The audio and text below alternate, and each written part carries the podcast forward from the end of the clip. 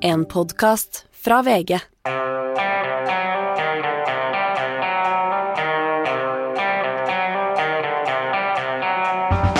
Klokka 04.55 i natt meldte altså Ukrainas utenriksminister Dmytro Kuleba at Russland og Putin har starta en fullskala invasjon av landet. Dette er Gjevrøy-gjengen den 24.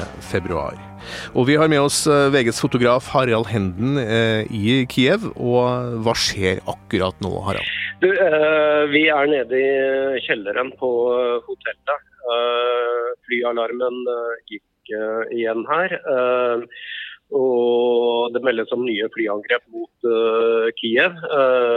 Det ble sagt at det skal ha landet noe ikke så veldig langt unna der jeg befinner meg, i den historiske delen av Kiev.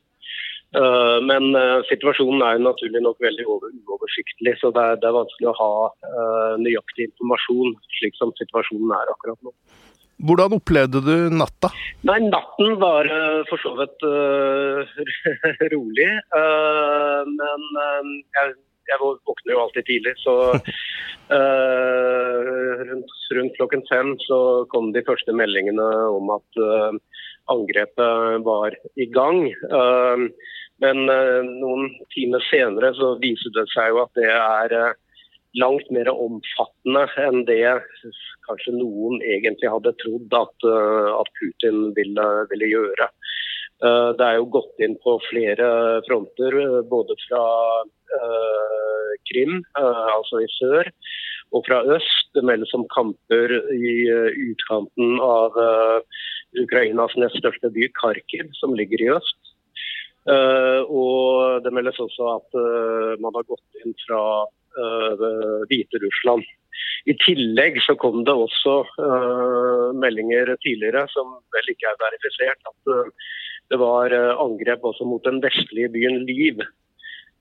som jo mange ambassader bl.a. har trukket sitt personell ut til. Så dette er et, det er et omfattende angrep. Hvordan reagerer folk i gatene, folk du har snakka eller sett? Er det, er det panikk, eller hvordan er stemninga? Nei, vi var uh, ute og gikk en uh, halvannen time uh, for en, en times tid siden. Um, og det er jo naturlig nok mye mindre folk i gatene enn det det har vært tidligere. Men de fleste er, er rolige, men spente og, og veldig usikre.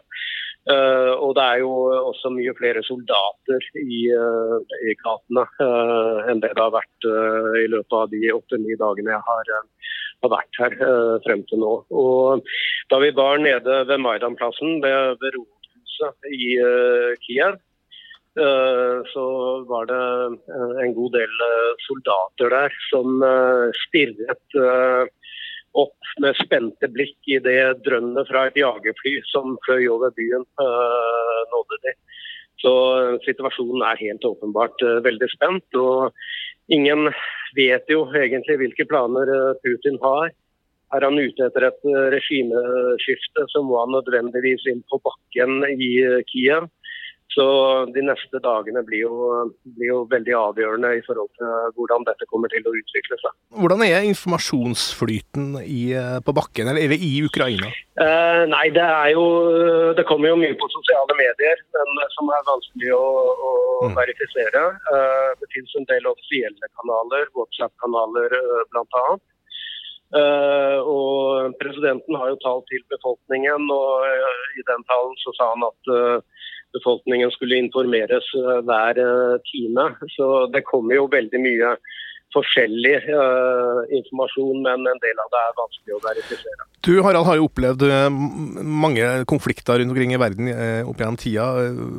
Hvordan er det her sammenligna med andre soner og andre situasjoner du har vært inne i?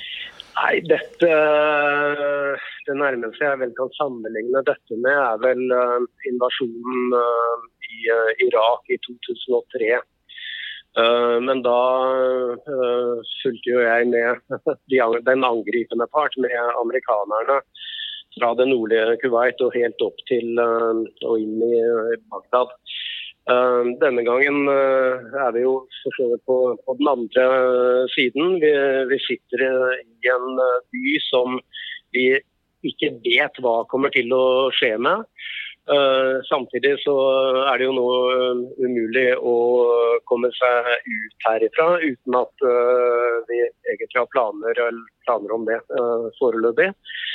fordi det er, det er altfor utrygt å bevege seg rundt på veiene akkurat nå. Så selv er jeg relativt rolig fortsatt. Men de neste dagene vil, vil jo være avgjørende i den situasjonen. Vi, vi har, du er jo der sammen med to andre kollegaer av oss, da, og, og eh, du nevnte jo litt at det er kanskje litt usikkert og rolig, ennå, men, men, sikkerheten deres, altså, hva, hva skjer hvis det, hvis det, nå kommer en, en bakkeinvasjon inn mot Kiev? Med, med, hva, hva, gjør dere da? Nei, Da kommer det en bakkeinvasjon inn i Kiev, så holder vi oss i ro uh, på hotellet.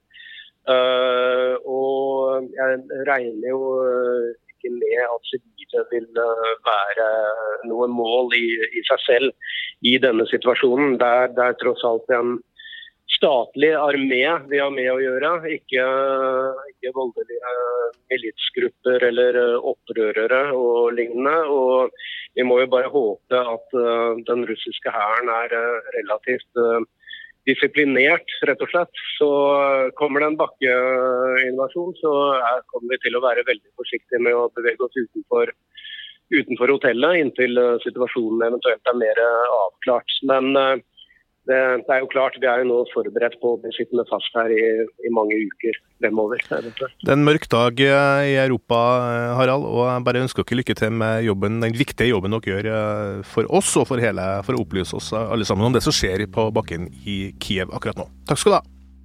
Det her føles som en veldig tung dag. Jeg har med i studio Jon Ferseth, uh, Ukraina-ekspert, må vi si. Du kommer fra Har vært der nå uh, inntil nylig, kom tilbake her på, i helga. Uh, Lørdag, ja. ja. Hva tenker du om det som skjedde i natt? Nei, dette er jo forferdelig dramatisk, og det er vel egentlig Kommer vel ganske uventa.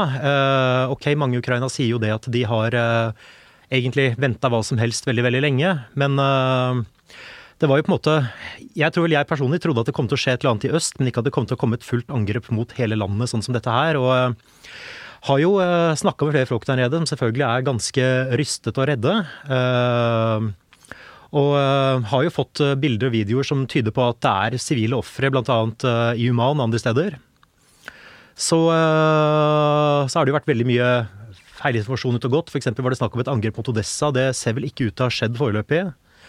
Men øh, Og det skal visstnok være kamper i øh, Luhansk-regionen hvor man har tatt og gjenerobret noen småbyer der. Men ja, nei. Det er forferdelig dramatisk og forferdelig overraskende, og egentlig så er vel dette noe jeg ikke hadde Altså, det viser vel bare det at øh, Putin antagelig tror på det verdensbildet han selv sprer, om at dette er en krig mot Vesten som prøver å ta over Ukraina, prøver å ta over Russland, prøver å bruke dette her til å innringe Russland osv. Du var jo der til, til nylig. Altså, eh, hvordan var stemninga? Var, var, folk forberedt på at det skulle skje noe sånt, eller det, kom det noe, kommer det her noe som en kjempeoverraskelse for alle egentlig i uh, sivile i Ukraina? Jeg tror ikke det kommer som en kjempeoverraskelse. Folk har jo vært redde. Uh, men mange har vel sagt at nei, det kommer ikke til å skje noe. Og en del har jo ment at dette her er bare nok et forsøk på å presse Putin, selv om det selvfølgelig ble mer alvorlig når denne anerkjennelsen av opprørsrepublikkene kom for noen dager siden så var det på en måte For det er jo på en måte hele spillet om Minsk-avtalen og sånn er jo nå forkasta, må man jo tro. Men øh, jeg, tror, jeg, tror, veldig få egentlig forventet dette her, altså.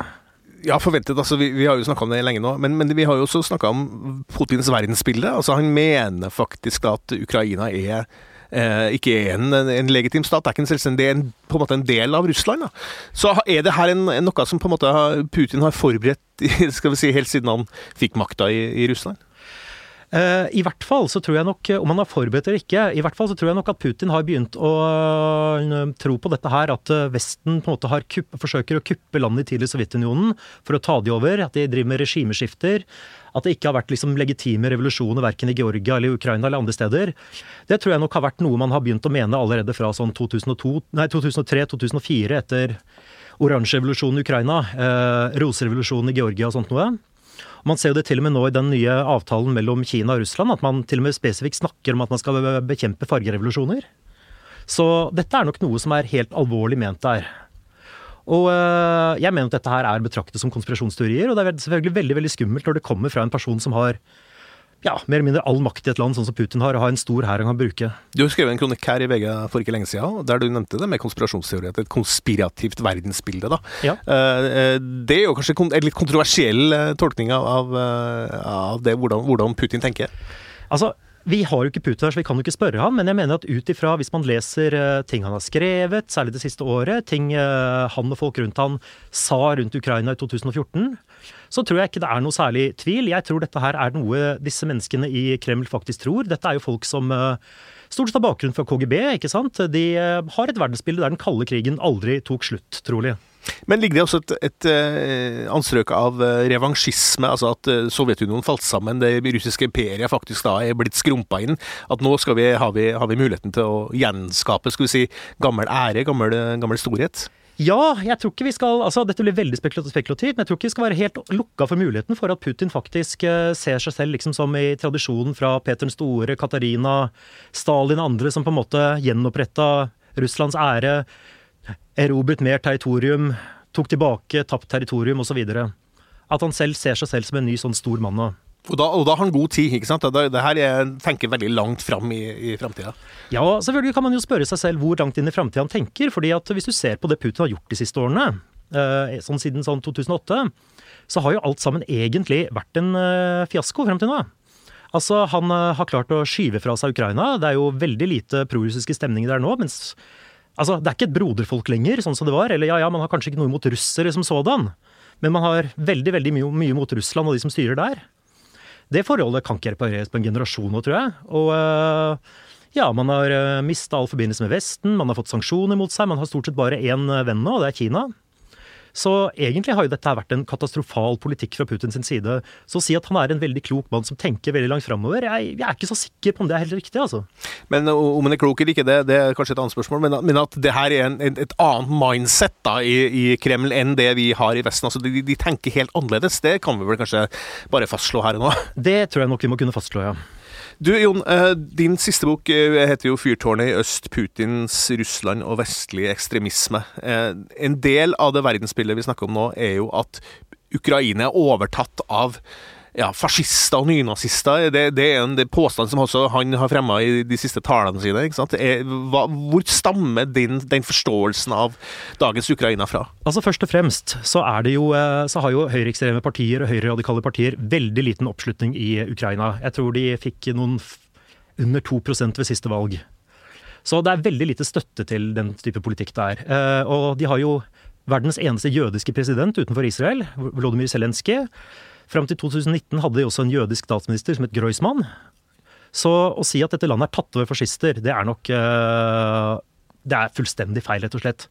Samtidig så er det kanskje en slags kjerne av Bitte liten kjerne av sannhet i det. fordi man har jo hatt i Russland har jo vært en del snakk om, på særlig prorussiske medier, men også i andre medier, om disse såkalte frivillige enhetene på ukrainsk side. Kanskje da særlig den såkalte Azov-bataljonen, eller Azov-regimentet, som ble opprettet i 2014. Uh, dette her skjedde i en kontekst der den ukrainske hæren var veldig veldig dårlig utstyrt de, uh, og veldig lite forberedt. Og det var veldig mange folk som ville melde seg frivillige. Så man, uh, som en midlertidig løsning så godtok man frivillige enheter. Stort sett var dette en fortsettelse av mobiliseringen på Maidan. Det var ja, ukrainske patrioter, det var lojale innbyggere fra Øst-Ukraina, det var folk fra sivilsamfunnet osv. som meldte seg for å slåss. Men det var også en del nasjonalister blant dem. Ikke veldig mange, men de var der. Og de havnet da særlig i det såkalte Azov-bataljonen. Og de gjorde en del innsats i tidlig krigen i 2014. Har vel ikke vært så veldig aktive militært siden da. Men pga. dette her, så har jo disse her til viss grad status som krigshelter. Ikke noe politisk støtte, men man anerkjenner innsatsen de faktisk gjorde. Så det gjør at de her får, liksom får lov til å være ganske synlige i Kiev. De har hovedkvarter midt i byen. De har en stor eiendom utenfor hvor de i det siste har trent frivillig. Jeg var faktisk på basen deres nylig og så på dette her. Og, eh, og har jo hatt og knytta en del kontakter i utlandet som har gitt en god oppmerksomhet. F.eks. til norske Skansa Forum-konferansene. Hva er det for noe? Det er et uh, nettverk av, av høyreekstreme konferanser som fant sted i Skandinavia fram til covid-epidemien. Og der var det også gjester fra Asov til stede. Men igjen, dette her er egentlig et ganske marginalt fenomen, og de aller, aller fleste som har meldt seg til å slåss for Ukraina fra utlandet, har ikke vært høyreekstremister. Det dreier seg om kanskje noen titalls personer, og de fleste har ikke engang blitt godtatt. For det, man vil ha folk som har militærerfaring, man vil ha folk som kan slåss, ikke mm. en eller annen tuff som rundt, løper rundt og heiler, holdt jeg på å si. Men det er klart, dette her har gitt Ukraina et veldig, veldig dårlig rykte. Det er det nok ingen tvil om. Og så har du, Men samtidig så skal man jo legge til her en ting. Det er det at mens Ukraina har, har fått et visst sånn der aura blant nynazister som syns det er kult å komme dit, ta bilder sammen med ASO-folk, selfies, ikke sant, kjøpe noen T-skjorter og dra hjem igjen, være på en konferanse, så er det veldig få av de som faktisk har gjort noe mer enn det. Mens på russisk side derimot, så har det jo vært øh, ganske så mange nynazister som dro for å slåss for disse opprørsrepublikkene, i, særlig i 2014 til 2016. Det var identitære for Frankrike, det var, øh, det var øh, ja, nynazister. Du hadde folk fra den nordiske motstandsbevegelsen som var på treningsleir utenfor St. Petersburg. En treningsleir som fikk lov til å operere helt fritt. Det er der. Fordi altså, mange av de som ble rekruttert for å slåss for opprørsrepublikken i, i starten, kom jo fra nasjonalistiske miljøer i Russland. Du hadde filosofen Alexander Dugin, ikke sant, som uh, jo sto nær de miljøene som organiserte opprørsrepublikken i utgangspunktet, og som har blitt en helt for, uh, særlig for identitærbevegelsen og alt-right, og som jo fikk ganske, eller ikke veldig mange, men fikk noen derfra til å dra for å slåss for opprørerne så vil vi påstå at uh, Russland har et mye større nynazistproblem enn det Ukraina har. Men jeg har, lest, jeg har, lest, på Facebook de siste dagene, og det er en del folk i Norge som faktisk går rundt og mener da at Ukraina er en fascistisk stat. Ja. Er, ikke det, er ikke det altså er det, er det, Hva leser disse folkene? Hva, hvor henter de på en måte den forståelsen fra? Jeg tror de henter dette her fra russiske propagandamedier, for det første, sånn som Russia Today og andre. De henter det nok fra en del uh, medier i uh, Norge og andre steder som uh, i stor grad etterplapper og formidler russisk propaganda. Jeg vet ikke om jeg skal nevne noen navn her eller ikke, men det kan jeg la være. Og så har det jo også vært veldig mye snakk om ikke sant, den der brannen i Odessa som i 2014, mai 2014, som Putin også har trukket fram, ikke sant, hvor man da sier at det var masse forsvarsløse mennesker som ble brent inne av nynazister. Sannheten var jo at det var gatekamper i eh, Odessa den dagen her. Det ble skutt med skarpt fra begge sider. Og det endte opp med at uh, prorussiske og separatister da forskanset seg i dette fagforeningsbygget. Hvor det brøt ut en brann fordi begge sider kasta molotovcocktails på hverandre. Og jeg mener, det sto folk på taket der og skjøt ut, så dette var ikke forsvarsløse stakkars mennesker, altså. Selv om det sikkert var det også der. Nå er det i hvert fall sånn at uh, vi kan si at det skjer en invasjon i uh, Ukraina fra russisk side. Helt åpenbart. Det har det jo for så vidt vært siden 2014. Og nå går de dypere inn i landet, ikke sant? Ikke sant. Hvordan, eh, Som en venn eller som en Ukraina-kjenner som har reist mye der borte, hvordan har du det nå? Syns du det her er en mørk dag? Jeg, altså det, jeg merker sjøl at som jeg sa i starten, altså, jeg er veldig prega av det, men, jeg, men, hvordan ser du på det, som kjenner det så godt? Altså, Jeg syns jo dette er helt forferdelig, og dette er jo personlig, fordi jeg har jo venner der nede som øh, jo Jeg frykter for dem. Jeg var nylig i øh, Mariupol. Jeg er jo nervøs for den byen der. Jeg har hatt en del kontakt med folk i en annen by som heter Avdivka, som ikke ligger så langt ved fronten. Prøver å få kontakt med dem nå for å høre hvordan det går. Ikke hørt noe enda. Så det er klart at eh, jeg er bekymra for venner, rett og slett. Og jeg er, eh, ja, jeg er bekymra for dette landet her. Og jeg er bekymra for uh, hva som foregår i Kreml nå. fordi for meg virker dette her som Putin er ute av kontroll, og at han har en helt annen forståelse av verden enn de fleste andre av oss. Ukraina, har, har, har, det, no, har det, nok styrka til å stå imot, eller vil en sånn invasjon være ganske rask? Man kan vel kanskje klare å eh, Samtidig så har de jo gjort overraskende god motstand. ikke sant? I Odessa så har jo raketter blitt skutt ned. Og eh, foreløpig så ser det ut som de klarer å holde stand. Men det er klart at eh, på sikt, hvis Russland sender liksom fullt, et fullt angrep, så blir det vanskelig. Men det som ja, det som blir tøft for Putin fremover, blir jo å prøve å holde kontroll over det landet her. Fordi det er jo masse mennesker der nå som er uh, sinte og redde. Det er masse mennesker som har trent uh, i territorialforsvaret, og som sikkert kommer til å fortsette å gjøre motstand selv under en okkupasjon. Så dette kan bli en stygg affære for alle parter, men selvfølgelig mest for Ukraina. Det må vi aldri glemme. Det er Ukraina som er angrepet. Det er Ukraina vi må også vise solidaritet med akkurat nå. Takk for at du kom hit, Jon Færseth. Vi hadde også med Harald Henden, vår eh, prisbelønte fotograf, med fra Kiev. Mitt navn er Hans Petter Sjøli, og produsent Magne Antonsen. Og vi høres igjen i morgen. Du har hørt en podkast fra VG. Ansvarlig redaktør, Gard Steiro.